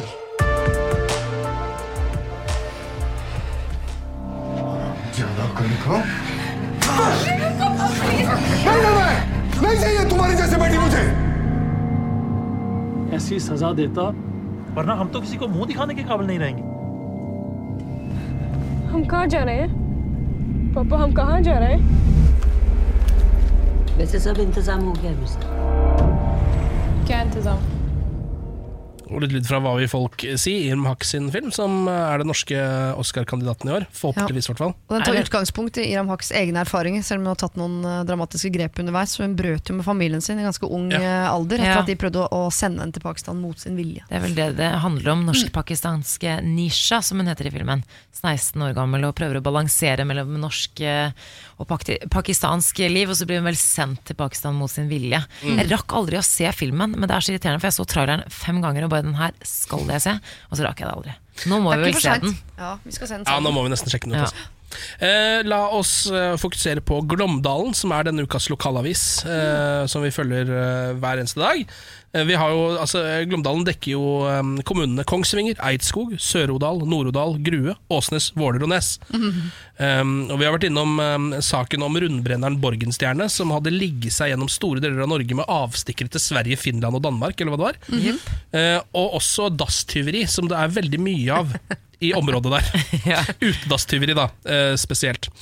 Eh, Nå eh, har vi saken 'Bodil ble rammet av e-postsvindel'. Nei, jeg befinner meg ikke i Ukraina.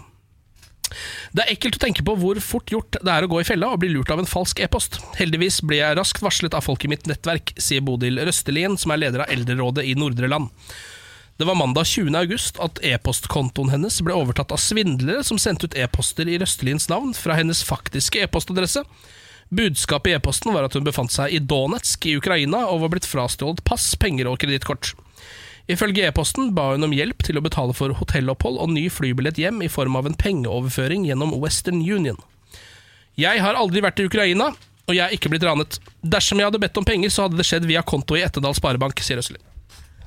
Jeg har aldri hørt Ja, om sånn type Altså Jeg har hørt om mye scams, men det der har jeg ikke hørt om. At de klarer å, Nei. hacke seg på kontoen din og be om hjelp på den måten. Nei, fordi- Western Union. Ja.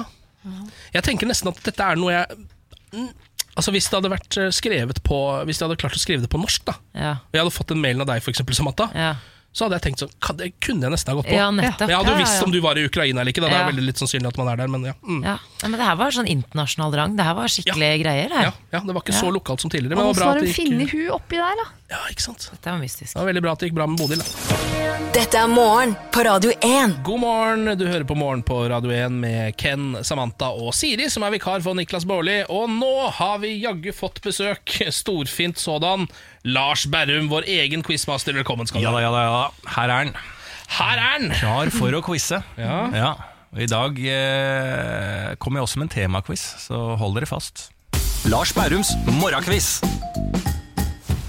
Ja, og Reglene er jo egentlig tre spørsmål, alle skal besvares, og så får dere alle svarene helt til slutt. Mm. Jeg sa at jeg skal ha en temakviss, det skal jeg ha, men før det så må jeg jo ha quizlagnavn. Det blir ikke quiz uten quizlagnavn. Jeg har en litt sånn Donald Duck-schwung over den. Ja. Vil du høre? Ja. Spenn Canelius Wilson. Det er et ordspill på mitt navn, er det ikke det det? tok lang tid før jeg skjønte Oi, at det jeg var ordspill på. Ken Vasenus Nilsen. Ja. Ja. Spenn Kanelius. Spenn Wilson. ja, men det hadde du, hvis du en eller annen gang kommer i norske Donald, så hadde det vært et sånt navn. Det er helt riktig. Ja, Jeg syns den var god, jeg. For okay. du har blitt rik eller noe sånt? Ja, ja, ja. Spenn, ja veldig fint. På kanel. På kanel, Blitt rik på kanel. Ja. Ja, Veldig bra. Eh, tema for denne quizen er Tyskland. Oi. Deutschland. Oi da. Oh. Ja. Så da starter vi enkelt og greit med spørsmål nummer én. Mm. Dette bør vi greie. Hva er hovedstaden i Tyskland? Er det sant? Er det sant? Berlin. Berlin? Altså, ikke se dumt på oss. da. Altså, Ikke si at det er så- Frankfurt, det er jo Berlin. man blir så usikker når man får såpass en måte, enkle spørsmål. Så tenker man Jeg liker ikke det. Mindfuck. Ja, det er jo Nei, det Berlin. er jo Berlin, fordi- Hvis det er noe annet enn Berlin, så Ja. Så må vi si opp. under Vest-Tyskland så var det Bonn, var det ikke det? ja. Men jeg er ganske sikker på at det er Kan Berlin. vi kan ikke bare svare Berlin. Jeg syns vi bare sier Berlin og holder kjeft, jeg. Jeg tror ingen andre ville svart noe annet enn Berlin. Det fins ikke mennesker som ville svart noe annet enn Berlin på det spørsmålet. Det tror jeg, men uh, dere svarer Berlin. jeg ser, ja, vi, vi driver jo og ser på disse reality-seriene Ja, med Ex on the Beach og alt det greiene. Ja, ja, ja. Jeg har en par der kandidater som hadde svart noe annet enn Berlin. Ja. Ja, Men uh, dere går for Berlin. Ja. Da går vi på spørsmål nummer to. Quisling ble jo etter hvert under krigen i Norge en nokså ond mann. Men hva slags minister var han før krigen? Og før krigen? Var han Mm. utenriksminister? Fankeren, før krigen? Forsvarsminister, kanskje? Ja, det vet jeg jo ikke, ass. Ikke jeg heller. Tipper han var finansminister, da. Ja, hvorfor tror du det? For det er de slemmeste folka. Nei. Wall Street-dude, liksom? Ja, jeg, for Jo, at han var en sånn fyr i kulissene med, som satt med eh, regnskapet, liksom. ja. Men det er bare Altså, jeg baserer det ikke på kunnskap i det hele tatt. Kun et Nei, Ikke jeg heller. Jeg også tipper utenriksminister eller forsvarsminister. ja, bare fordi det har i hvert fall noe med krigen Med det å gjøre. Ja. Ja. Ja, Det jeg trenger ikke å ha noe med det å gjøre. Så Han kan jo være at han var en eh, Vi leter da etter hva slags minister Quisling var før eh, Var det krigen. Ja. Likestillingsminister, er det Fredsminister. Ja, nei, hva skal vi si? Hva skal vi, jeg har litt følelse på liksom utenriks- eller Forsvarsminister. forsvars. ja. Skal vi si Utenriks, da. utenriksminister, da? Nei, forsvarsminister. Ja, vi går for forsvarsminister. går for- ja, Ok, forsvarsminister blir endelig svar hos dere. Vi går på spørsmål nummer tre. Etter fotball-VM, hvor Tyskland røk ut i gruppespillet, har det stormet rundt de to stjernespillerne Mesut Özil og Gundogan. Hvorfor? Ah, Ja, det er fordi grunn de var og tok bilder eh, med Erdogan, var det ikke det? Mhm. Altså Tyrkias eh, president. Ja, De var på et sånt arrangement, og så følte de at de ikke kunne si nei. Og Erdogan er jo berykt, eh, berykta, altså for å være en, En skurk. en skurk. Mm. Ok. Ja. Da går vi og får alle svarene. Ja, ja, ja. på denne Tyskland-quizen med avsporinger. Men Tyskland er tema. Visst kan, apropos avsporing, visste du at Lou Bega er fra Tyskland? Han er det. Hvem? Lou Mambo Bega. number five? Mambo number five-mannen. Oh, ja, så eh, Dere mente at jeg uten Mambo number five skulle vite hvem Lou Bega var? Det var vel litt det vi mente. At jeg var sånn, å Lou Bega, kødder du? Er han derfra? Jeg lærte noe nytt. Ja, det gjorde jeg absolutt. Han er faktisk fra Berlin. Er han det? Fatteren elska den sangen. Ja, det ser du. Ja, jeg hadde den singelen. Ja. Det var helt rå, den. Den ble spilt i stua. Ok, da går vi og får alle svarene. Ja. Hva var hovedstaden i Tyskland, eller hva er? Der svarte dere Berlin, og det er riktig. Ja, å lure oss. Bra. Ja, men det er litt sånn Den kan være litt kinkig når man plutselig tenker Er det München, er det Berlin, eller Mm. Frankfurt hadde jeg ikke regna med at kom opp, men eh, Vær så god. Men eh, plutselig så stokker det seg, og da er det jo alltid gøy. Så Ja. la jeg opp for fadese, men dere greide testen. Eh, og så var spørsmål nummer to.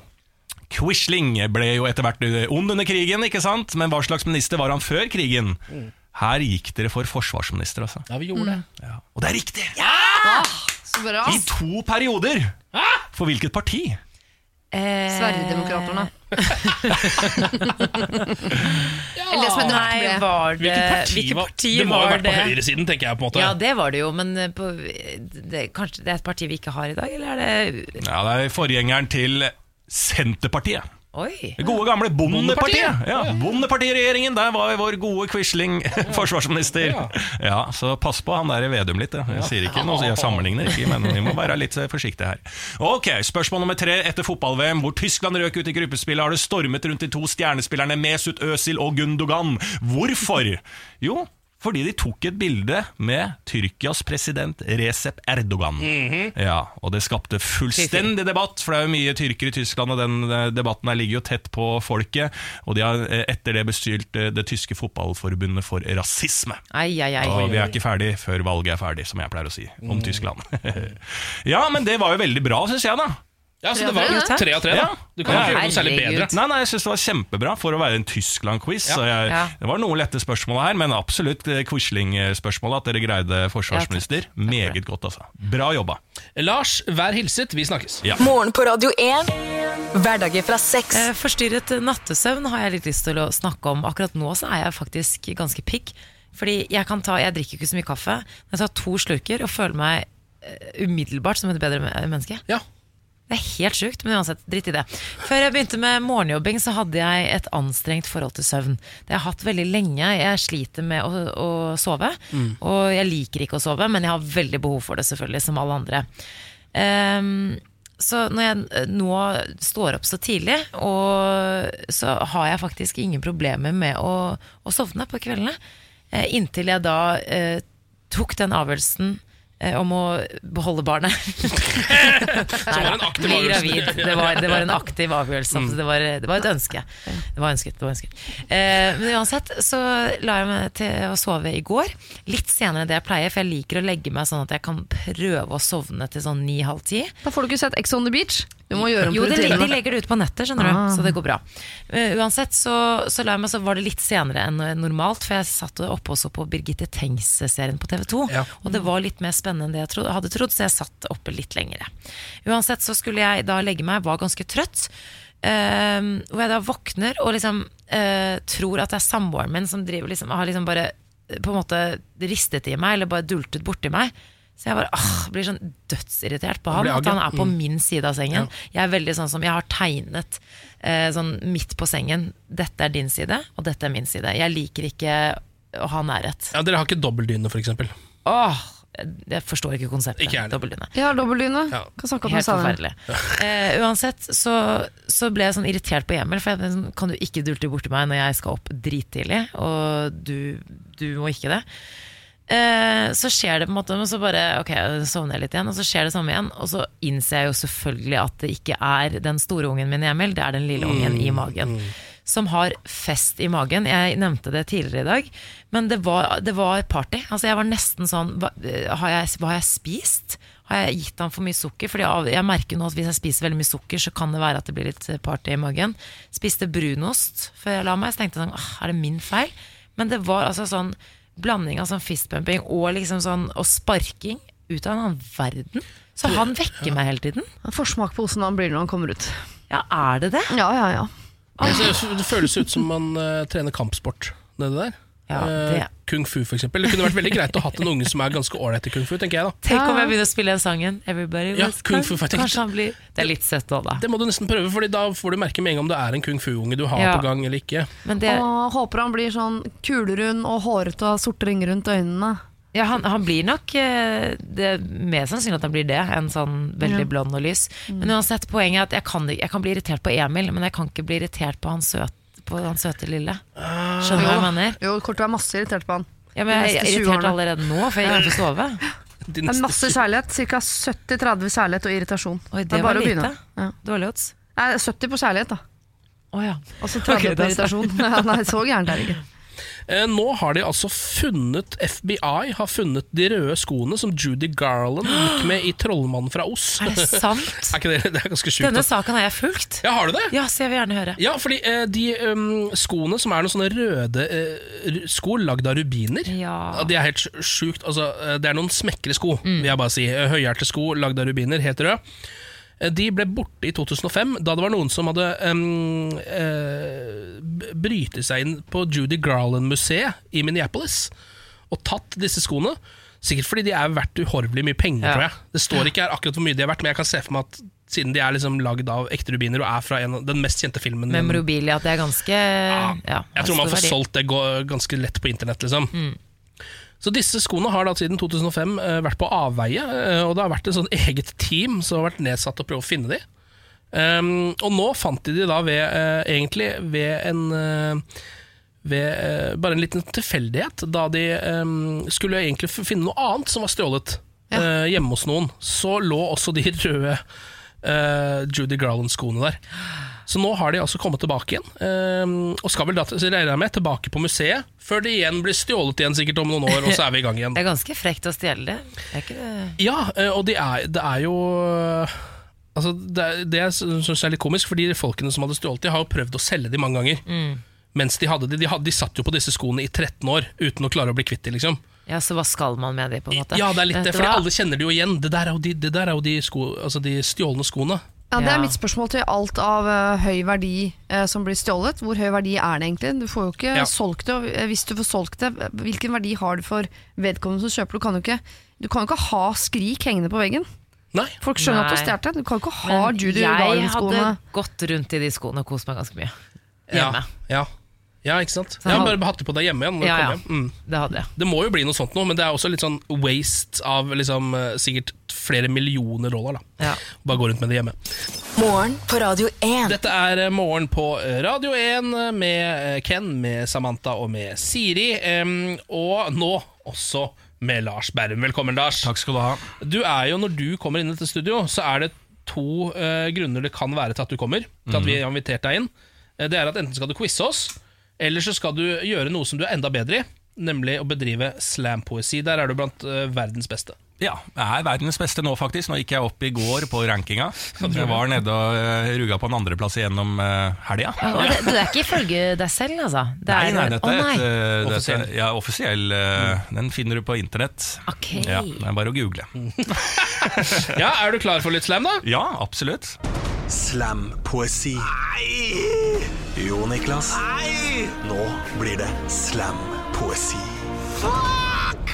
Hva er ukas tema, Lars? Da har jeg tatt opp en tendens eh, i hele Europa, også i vårt eh, naboland eh, Sverige. Og eh, dette er da at eh, høyreekstreme krefter, altså. Rett og slett eh, oi. nazister som kommer i Europa her. Farlig ja, ja, ja, ja, ja, ja. Hjelp! Det er 2018, og nazistene kommer. I Tyskland og i Sverige. Få bort jødene, homsene og utlendingene. Bilene brenner. Kanskje det også er nazister Norge trenger? Ungdommene har penger, men tenner på gjengvirksomhet og vold. Det fenger. Løsningen må jo være nazister. Hvem ellers temmer ungdom som ikke jobber lenger? Det er lenge siden sist gang, og det var jo den gang. Nazister er jo ikke som de en gang var. Du trenger ikke lenger et land i krise, bare litt sponsa innlegg på Face, skape litt frykt, og så stemmer vi det inn i regjering. En enkel ting, nazismen blir valgt inn, men nå begynner jo andre folk å brenne ting. Jøss, det var rart, trodde dette skulle bli brukbart, i hvert fall ifølge Breitbart.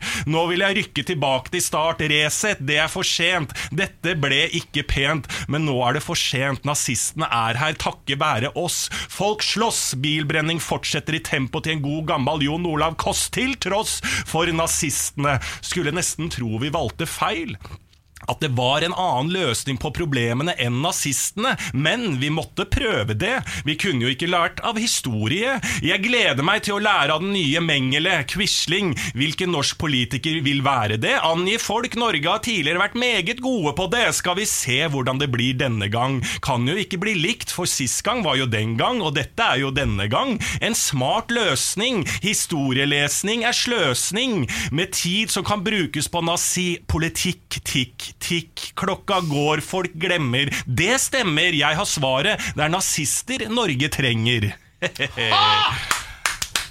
Fytti rakkeren, Lars. Dette her eh, kan godt hende at kommer til å bli dratt fram fra arkivet om si 20-30 år som en sånn Det var advarsler. Ja. Det var tegn der. Folk visste at det var noe eh, i, eh, i Noe som ikke var bra, som Ja, var på gang. Men ingen ville høre på den høye poeten. Nei.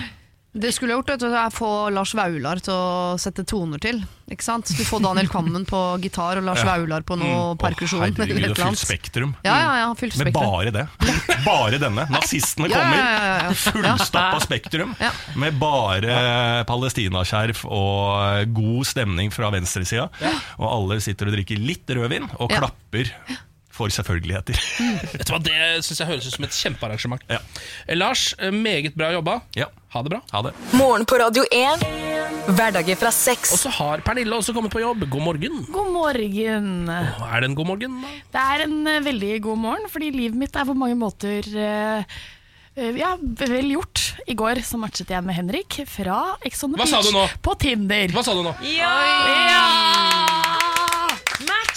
Han har likt Life deg! Made. Life Dra han made. i land! Ja. Dra han i land! Å herregud, nå blir eh, kjæresten min Emil veldig misunnelig. Ja, ikke sant? Han er så fan av Jeg- Henrik, blodprinsen. Er det han som er blodprinsen? Ja? Ja. Eh, Det er han som har eh, en eh, mage med Altså Han har ikke sixpack, han har mer sånn nipack. Ja. Omtrent. Ja. Ja. Og så har han en veldig sånn karakter... Hva heter det? Karismat Kar karisma... Nei, kar- karikata- karakteristisk. ja, latter.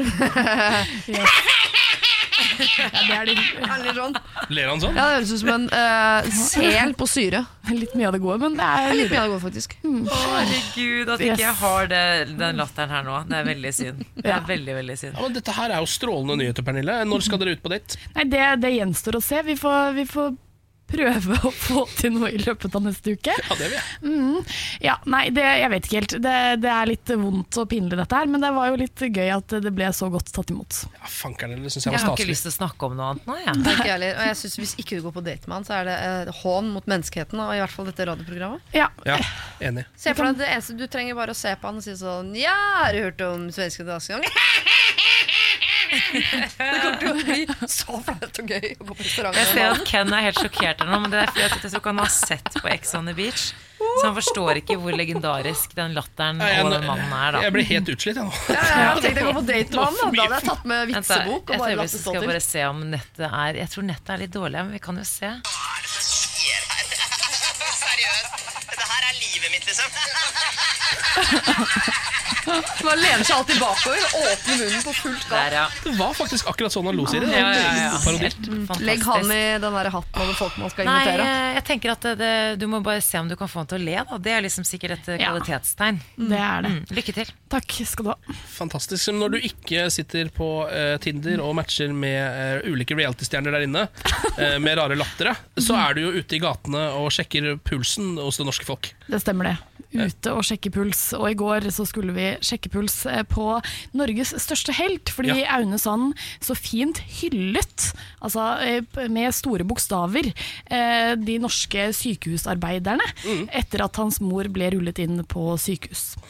Så da skal vi sjekke hva folk mente, da. Eh, Jahn Teigen. Nei, det er Mats Hansen. Jens Stoltenberg. Audun Lysbakken. Det må være Monsen. Nei, da må jeg si dette. Jeg syns kronprinsparet må, må være det, altså. Fins det noen helter her, da? Norges største helt er meg. Og hun igjen hadde gitt opp håpet. Ja. Finnes det noen helter der, da? Ja, ikke sant? Og så prøver man å Man prøver å Når det ikke liksom kommer på noe med en gang, så sier jeg Men hvem er din største helt? Altså sånn du kan si mammaen din og alt dette Ja. her. Og det er det flere på Instagram som har sagt, fordi vi har jo også spurt eh, spørsmålet på vår Instagram-profil, radio1.no. Og der altså er det folk som har svart eh, gutta som kjempet under krigen, Mats Zuccarello, eh, Jan Olav Sawyer, han fra Pøbler, mamma. Chartersvein, Niklas Baarli. Altså det er mye godt her. Det er mye godt her. Men uh, vet dere hvem min helt er? Jeg nevnte tidligere i dag, eh, Pernille, men da var ikke du her. Eh, Lilly Bendriss, Ja. 72 år, fortsatt på sjekkeren, dating. Seksuelt har fortsatt et, et, et aktivt sexliv. Vet du hva? Det er nydelig. Det er nydelig. Um, Jeg har snubla over en uh, sak som uh, NRK har skrevet om, som heter 'Byene i skyggen'. det, er, det er en sak om de styggeste byene i Norge. Um, og her nevner de at det er ulike byer som går for å være veldig stygge. Ja. Uh, Alta er en av dem. Moss er en av dem. Nei Dette er de to byene jeg er fra, bare så det er sagt. Ja. Jeg er fra Alta, Moss. Mutter'n er fra Moss, og fatter'n er fra Alta. Og så er det Drammen, Mo i Rana og Førde. Alle de har liksom blitt kåra til Norges styggeste by. Em, men dette tenker jeg, altså, de kåringene er jo subjektive, uh, uansett hvordan man vrir og vender på alt mulig rart. Ja. Så jeg lurer på hva folk der ute mener. Hva er egentlig altså, Norges styggeste by? Ja. For Jeg ser for meg at Oslo kan komme f f ganske høyt opp på en sånn kåring. For det er veldig mange som hater Oslo. Og nå skal jeg ikke smiske med deg, Ken, men jeg syns ikke at Moss fortjener den kåringen. Takk for Jeg synes Moss er en veldig fin by veldig mange fine hus, men det gikk på en smell med det der eh, kjøpesenteret midt i byen der. Ja, Mosselukta er borte. Jeg vet det, men den gikk, altså for det, det eneste jeg tenkte Eller sånn hver gang da jeg var barn og skulle ta Moss-Horten-ferja, Ja. eh, så tenkte vi alltid sånn Å nei, nå kommer Mosselukta! Ja. Ikke sant? Og det er en klassisk som sitter i manges ryggmarg, tror jeg. Ja, ja. Eh, heldigvis, jeg gleder meg jo til å spørre om dette her, fordi jeg er trygg. Min by er trygg. Jeg er kommer fra fra? Norges største perle, Drøbak. Ja, jeg tror du er trygg, ass. Men Sortland ligger dårlig an i min bok. Ja, du sier det, ja? Ja, Den blå byen. Det hjelper ikke å uh, male dritt blått. Det er altså. Ja, dette blir spennende. Det er bare å komme seg ut Pernille, og høre hva folket mener om hva som egentlig er Norges aller, aller styggeste by. Dette er morgen på Radio 1. Um, om, uh, altså, fra den 10. september så setter vi jo i gang et ganske rått prosjekt her på Radio 1. Da kan du vinne en mill. Herregud. På morgenen her på Radio 1. En million. Ja, en million kroner. Herregud, hva jeg hadde gjort med de pengene. Ja, Hva Ja. hadde du gjort med de pengene? Nei, jeg har jo sagt da at jeg hadde startet en, en, en fastfood-kjede. Ja. Sam, Sams Burgere. Jeg har endret hva jeg ville gjort med min eh, million, og det er litt uh, i samråd med å åpne fastfood-kjede. For jeg ville brukt min million på å avskaffe noe som jeg mener er unødvendig oppskrytt uh, i det siste. Og det slo meg i hvert fall i går, da jeg satt på restaurant alene på Gardermoen og spiste eh, eh, mat, hvor eh, kokken sier at vi har ikke mer vanlig potet, så du får uh, søtpotetfries. Ja. Vi må slutte med søtpotet. Det er, det, jeg, Jeg er tror, helt enig. men jeg tror folk tror at de liker det, fordi det er annerledes, men det er litt Mm. likt. Hvis du, man må bare begynne å smake etter ordentlig, så smaker man at det greiene der det er ikke godt. Og det, når du tar ketsjup på, så blir det Rich. verre. Og det er bare en varsellampe på at hvis det blir vondere med ketsjup, så er det noe gærent. Alt er jo godt med ketsjup. Bortsett fra søtpotetfries, som man får ketsjup til. Så jeg sa jeg kan ikke spise Jeg må ha noe annet enn ketsjup til. Jeg trodde aldri at jeg kom til å møte to andre mennesker på eh, samme sted som hata Ja. søtpotetfries like mye som meg, men det har jeg faktisk gjort. Dette, nesten eh, altså- Dette, dette, dette må vi snakke mer om. Ja, dette må i vi snakke mye mer Ja, men jeg vil bruke min melona på enten å bare avskaffe søtpotet, altså eh, stoppe importen av søtpotet til landet, eller trykke opp plakater eh, hvor det står 'nei til søtpotet', eh, bruk smaksløkene, vær fri. Altså, Stå opp for deg selv, slutt med søtpotet. Og det jeg tror, eneste, jeg tror litt av grunnen til at søtpotet har blitt så stort, er at folk tror det er en potet. Og det er det jo ikke. Ja, det er altså, det er jo en rotgrønnsak, men det er jo ikke en potet. Det skal, ikke, bru, det skal ikke brukes til fries og mos. Nei, og det lurer folk til å tro at det er det. Også at det er liksom mye søtere. Og sånn, at dette er jo så perfekt, for det er jo søtt, og Ja. det er jo godt. Og det er det jo ikke. Det er jo Nei, ikke godt. Ikke. Men og så har det blitt så trendy at folk kjøper jo sånne frityrstekemaskiner Ja. og lager søtpotetfries hjemme. Ja. Og så tror man at det er sunnere enn potet. Det er også feil. Ja, det er feil, ja. Det er mindre sunt enn potet. Og jeg mener at alle må Det er godt første gang du smaker det, bare fordi det er annerledes. Jeg husker min sønn han tenkte sånn Jeg elsker søtpotetfries. Nei, Runde tre. Jeg liker det ikke lenger, jeg, mamma. Det er ikke sånn typisk unger, men det der, akkurat der må vi lære av barna. Men jeg har et spørsmål. Er vi tre de særeste menneskene på denne jord? Fordi det kan være at det er vi som er unntaket. At det er alle andre, liksom. At det er oss det er noe galt med, ikke de andre. Nei, for jeg, jeg, de- min teori er at de andre bare ikke har tenkt seg nok om. Og som Siri sier, ikke smakt nok på det. Nei. Altså det er, fordi Nå Ja. er det en slags fad. Altså Nå er det overalt. Du kan ikke gå et sted uten å få søtpotetfries dytta opp i nesa. Man tror det er godt fordi det er nytt. Det er akkurat som man trodde det var smart fordi det var nytt når det kom uh, duppedingser man kunne høre på musikk på før man fikk det inn på mobilen. Så. Altså, det er eh, Hva heter det? Det er minidiskspilleren, liksom. Ja. Det er mindiskspilleren. Det er det mindisken om igjen. Det har kommet inn fra sida, og det må ut igjen. Du skal bruke din million på å sprøyte inn gift og sånn der hvor det er søtpotetdyrking? Jeg skal få bruke det uh, så effektivt som mulig for å bli kvitt søtpoteten. Vet du hva? Tenk på det. Hvis du vinner en million, så kan du bidra til Siris kampanje. Forbud mot søtpotet. For å få fjerna søtpoteten en gang for alle Ja. fra det norske land, og egentlig fra hele Europa, eh, i hvert fall mener jeg. da at vi burde få det vår. Jeg begynner med Norge, and then I take Berlin. Ja, Den you take Berlin, ja. Det er veldig, veldig, veldig bra. Eh, så hvis du har lyst på en, eh, en million, så er det bare å høre på. eh, fra, altså det er jo greit å høre på nå også, men det er nesten viktigere for deg akkurat hvis du er veldig opptatt av en million fra 10. september. Da. er det mulig å vinne en mill eh, her på Radio 1. Altså. Morgen på Radio 1. Hverdager fra seks. Ja, ikke skyt pianospilleren, men nå er det over. Jeg forstår ikke. Er det, Altså, er det Don't shoot the messenger, don't uh, kill the piano player. Mm. Er det mm. Nå er det ikke mer. Nei. Altså, det er jeg som alltid må komme inn her og komme med den veldig triste beskjeden om at podkasten er over. Forvirrende utsagn og ja. Ja, eh, jeg vil bare liksom ikke at folk skal skylde på meg for at podkasten er over. Jeg, jeg er bare han som kommer med beskjeden om at det er over. Det er ikke min skyld. Ikke sant. hva? Hadde det vært for deg, så hadde jo podkasten vært over for lengst. For det er ofte du som drar Ja, ut. ja, Mm. det er sant det. Nei, jeg stikker hjem, jeg. ja, du forvirrer meg bare litt. Takk for det. God God bedring. Ha det. Ha det.